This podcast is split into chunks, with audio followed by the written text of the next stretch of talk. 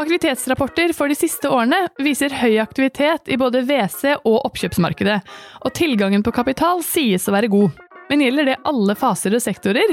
Og hva betyr det at kapitaltilgangen er god, hvis vi likevel har mange prosjekter som ikke får finansiering? Hva er viktigst av privat eller statlig kapital?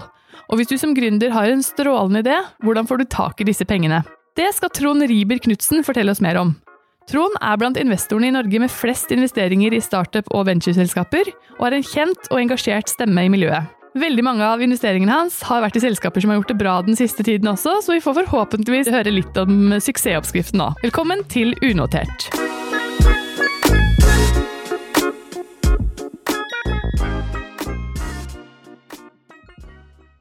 Hei, Trond. Velkommen til Unotert. Veldig hyggelig å ha deg her.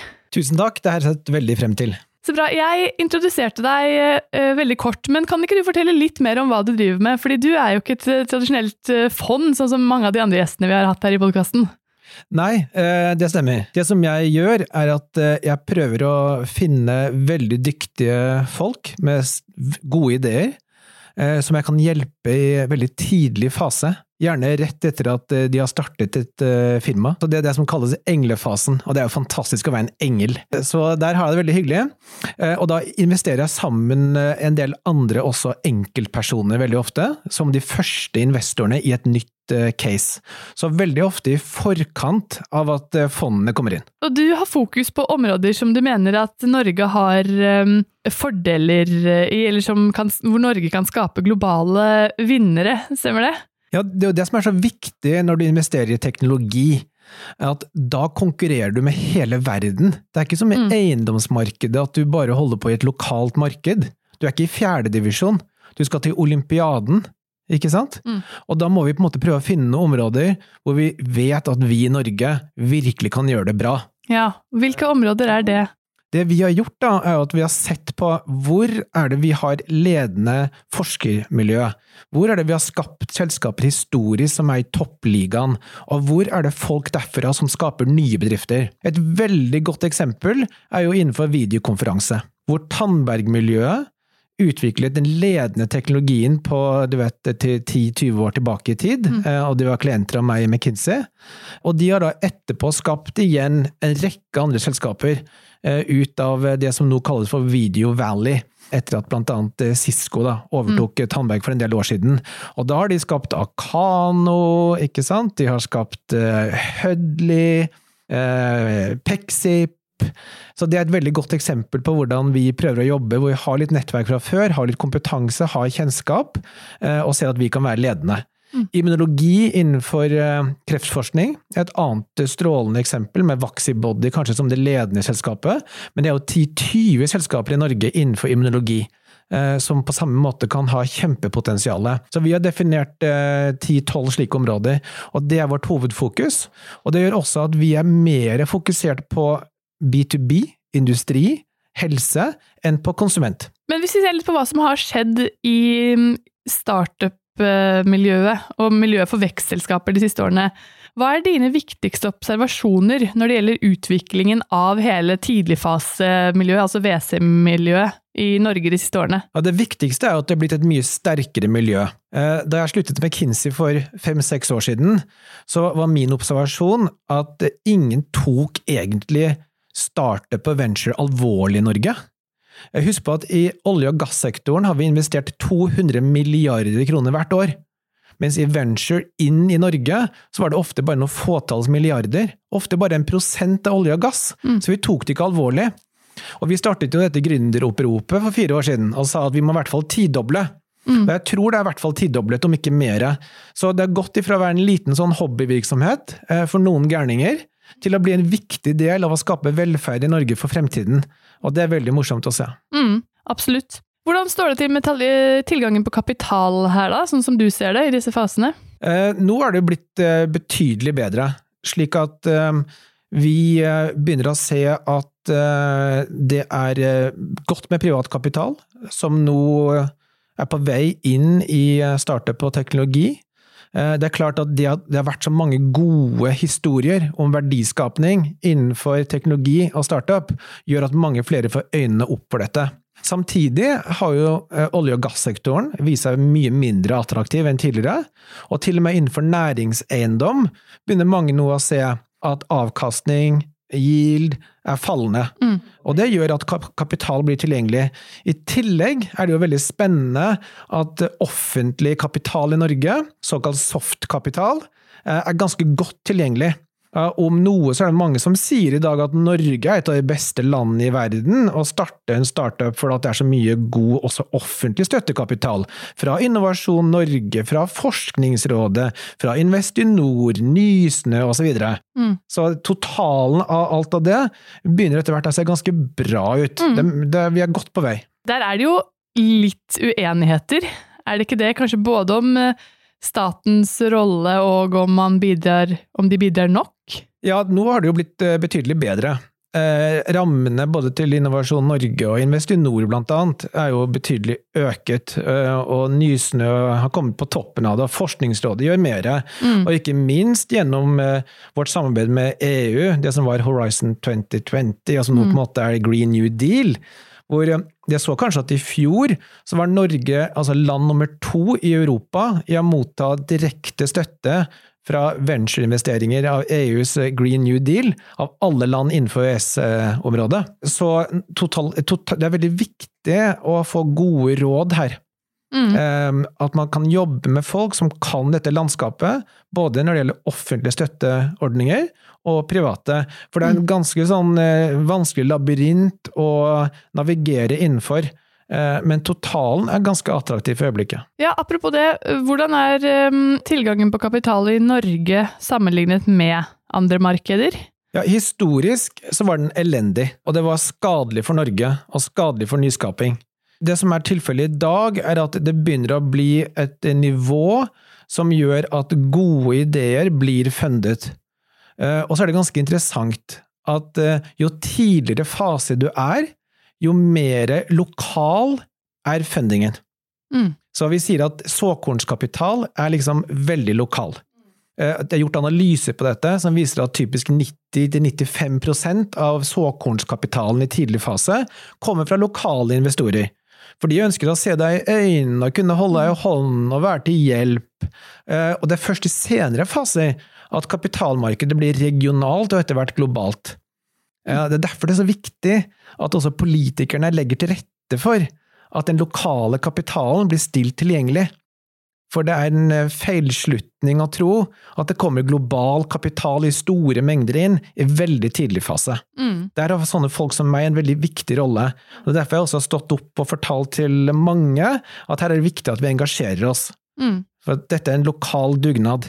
Er det lettere å bygge startups eh, i andre land, da? Så nå sier du at eh, kapitaltilgangen er god, men hvilke andre barrierer har vi her i Norge som kan gjøre det utfordrende? Ja, den største barrieren vi har hatt, tror jeg, historisk, i tillegg til at det har vært lite kapital tilgjengelig, har jo vært det at vi er et lite land. Og det gjør at vårt marked, lokale marked, hvor du kan skalere tidlig, er ganske lite. Og dette tror jeg er hovedsakelig en utfordring for konsumentstartups. At Norge og norske språksamfunn er lite i forhold til alt du sammenligner med. Men når du går inn i det industrielle området, så er jo Norge ganske betydelig marked. Mm. Og mange av eh, kundene er villige til å være tidlig ute og innovere. Og Derfor ser vi masse spennende digitalisering innenfor energisektoren. Vi ser masse spennende muligheter eh, innenfor helse, og innenfor f.eks. construction tech. Mm. Hvor vi ser veldig, veldig interessante eksempler på at vi er tidlig ute og, eh, og tør å ta risiko, og skalerer i Norge.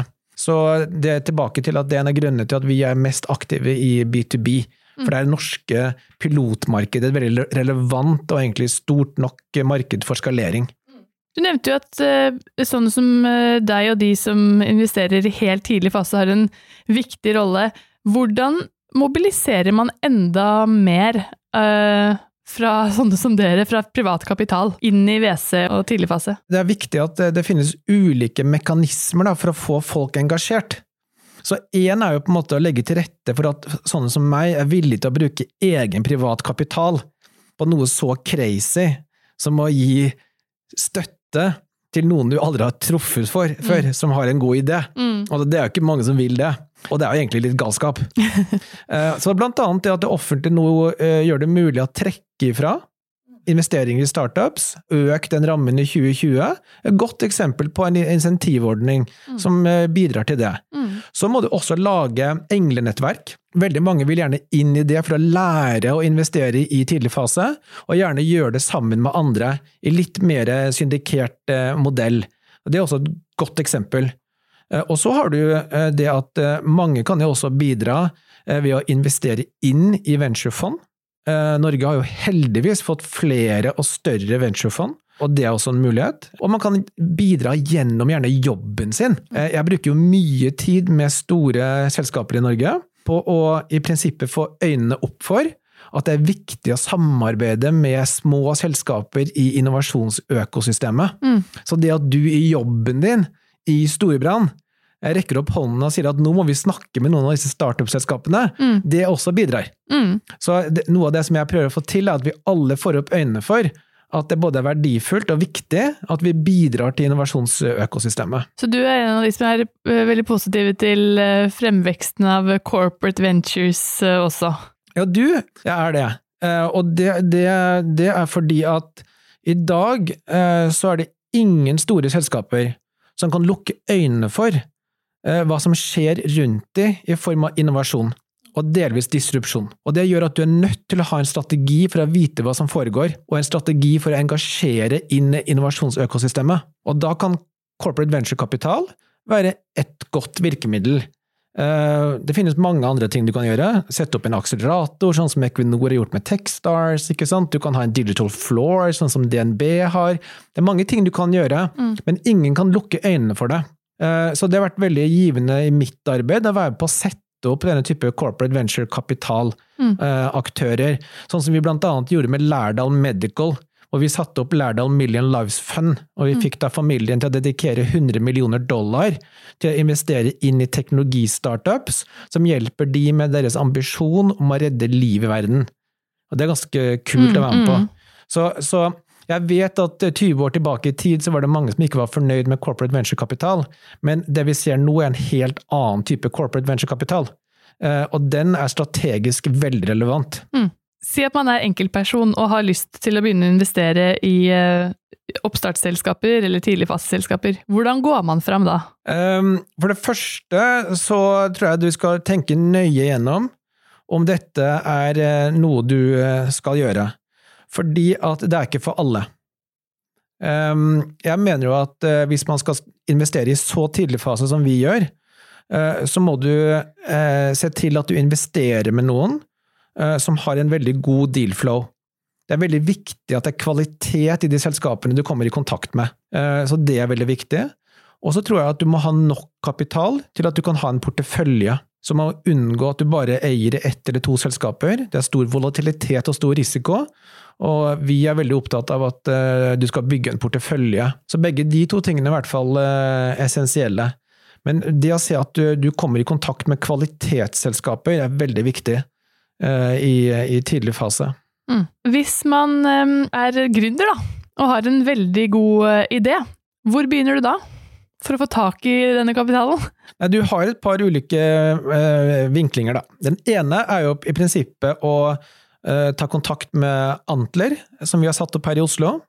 Antler er altså et, en talentinkubator. Det spesielle med Antler er at vi i prinsippet da ønsker å ha talent, og så tar vi talentet inn.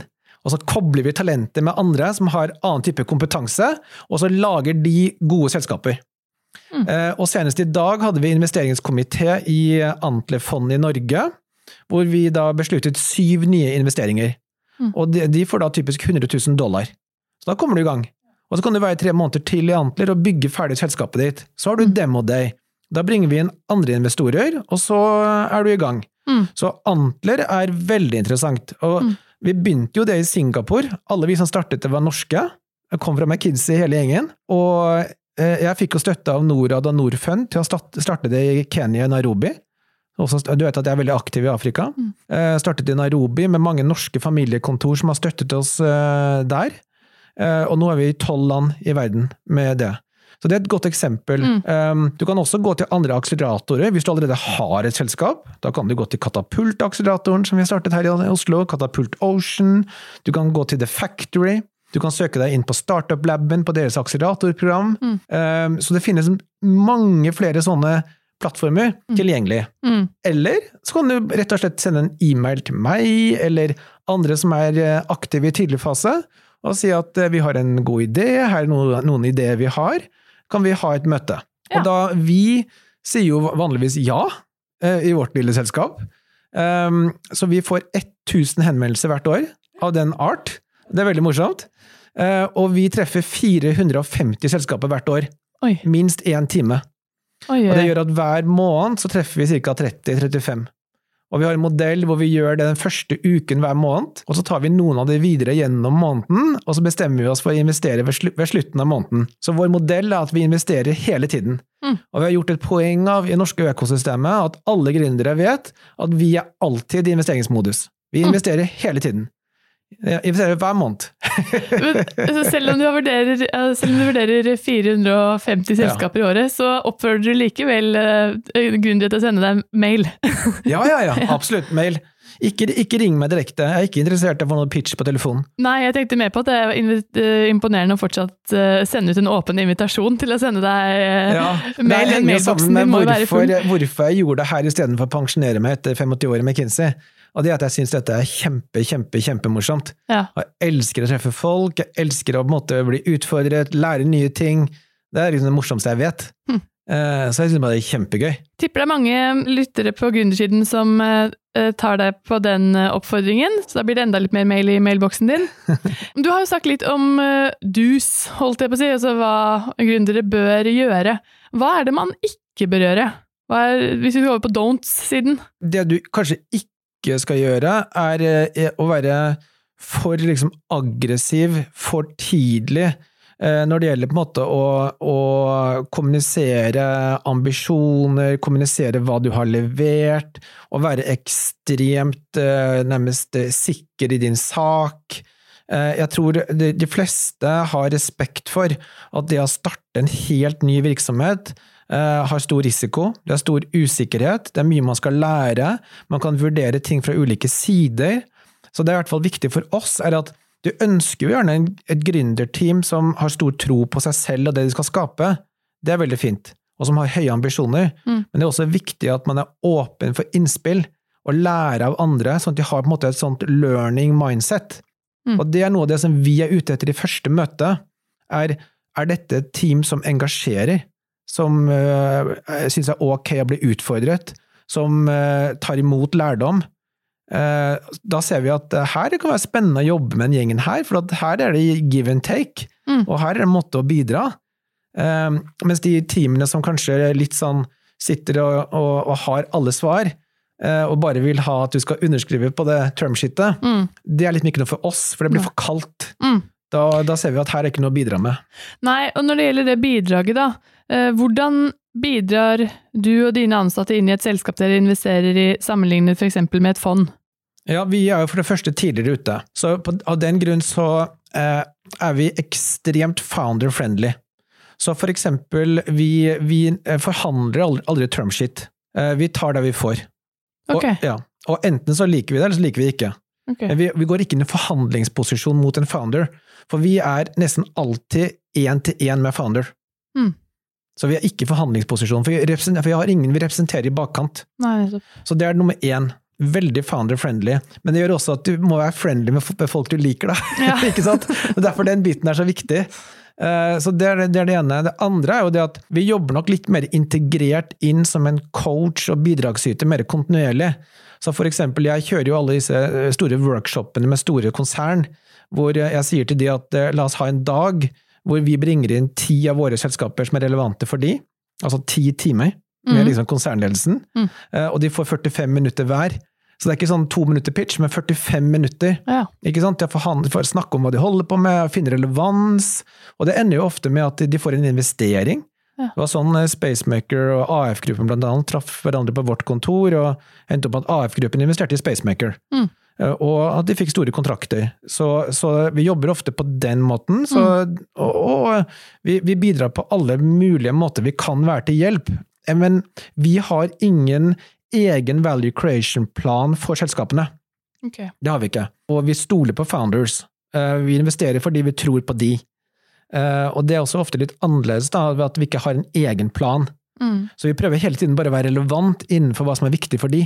Så når vi har på en måte oppdaget noen ting, så tar vi kontakt med det og sier se på det her, og det her skjedde i USA, og, uh, men vi har ikke en egen plan. Mm. Det, det, er en stor forskjell. Hvor mange av disse casene går bra, da? Og hvor mange går dunken? Nå har vi jo mye tall, da, sånn at uh, vi har begynt å se at, at, at det her kan jo gå veldig bra. Da vi startet opp, så fikk vi, veldig, fikk vi høre at, vi, at, det var galskap. At det å investere i så tidlig fase, det går vanligvis veldig dårlig. Så vi var litt redde. Mm. Men jeg tror timingen har vært godt, god, da, i, og med at de siste fem-seks årene har vært gode i norsk startup og venture. Men av, vi har da investert i ca. 90 selskaper, og ti av de uh, har ikke lenger aktivitet. Okay. Så ti av 90. Ja. Og så er det ti til som, uh, som har hatt runder som er verdsatt lavere enn da vi kom inn. Men det er det 70 som er på samme nivå eller høyere. Mm. Eh, I den porteføljen om 90, så er når vi er konservative og benchmarker mot siste emisjoner, så er avkastningen 3,2-gangeren. Mm. Eh, og gitt at vi i snitt har eiet selskapene i tre år, så er det 48% IRR. Det er bra. Mm. Hva er det viktigste kriteriet for deg når du skal gjøre en investering? Det er, eh, det er to ting, egentlig. Det er en kombinasjon av menneskene og teamet.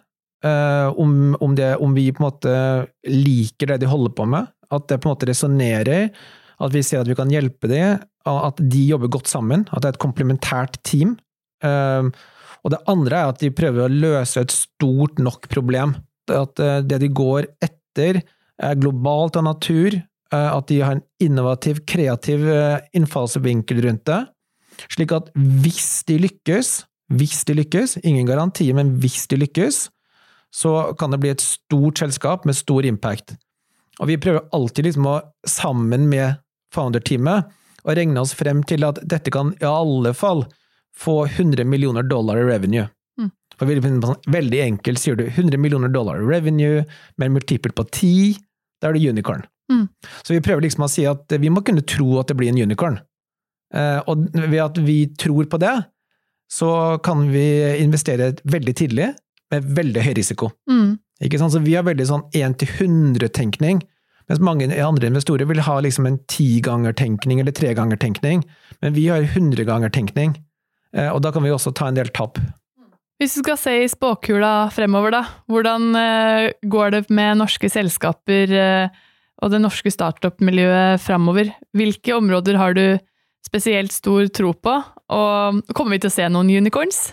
Ja, vi, nå har vi jo eh, allerede sett eh, en del. Eh, vi skal ikke glemme det, sånn som Meltwater ikke sant, gikk på Earnings Growth med 13 milliarder i market cap osv. Så, videre. så vi, vi, vi, snakker for lite om at vi faktisk har egentlig skapt uh, mange unicorns, men ja. på en litt annen måte, ved at mm. ikke det er gjort gjennom venturekapital. Mm. Men uh, når det gjelder fremover, så, så tror vi at norsk helseteknologi har enorme muligheter. Vi har sett det allerede innenfor bioteknologi, innenfor kreftforskning og immunologi, men innenfor mange områder, innenfor helseteknologi, innenfor medisinsk teknologi, ser vi at Norge ligger i forkant. Vi har et enormt spennende datasett, veldig dyktige forskere, og vi har sett eh, at det er mulig å skalere eh, selskaper ut av eh, Norge.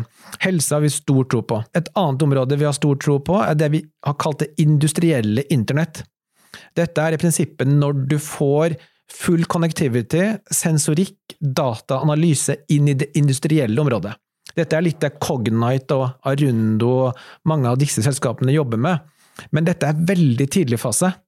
Veldig tidlig fase. Mm. Vet ikke, Det sto i avisen i dag at da brannen på Melkøya for Equinor skjedde, mm. så ble den oppdaget av én inspektør. Det var ingen sensorikk som fortalte Equinor på dette her, du vet, ekstremt viktige området, mm. at dette hadde skjedd. Mm. Så dette her er i veldig tidlig fase. Men vi tror at de neste fem til ti årene så vil det industrielle internett, IOT, bli helt eh, gjennomført. Og det kommer til å bli større enn konsumerinternett. Hmm. Og her er Norge ekstremt velposisjonert. Det er veldig spennende. Jeg ser Tiden vår eh, er allerede ute, Trond, dessverre. Men jeg skal oppsummere kort hva du har eh, sagt de siste 25 minuttene. Du har sagt at WC-miljøet har blitt mye sterkere de siste årene, og at det blir tatt mye mer på alvor nå enn før.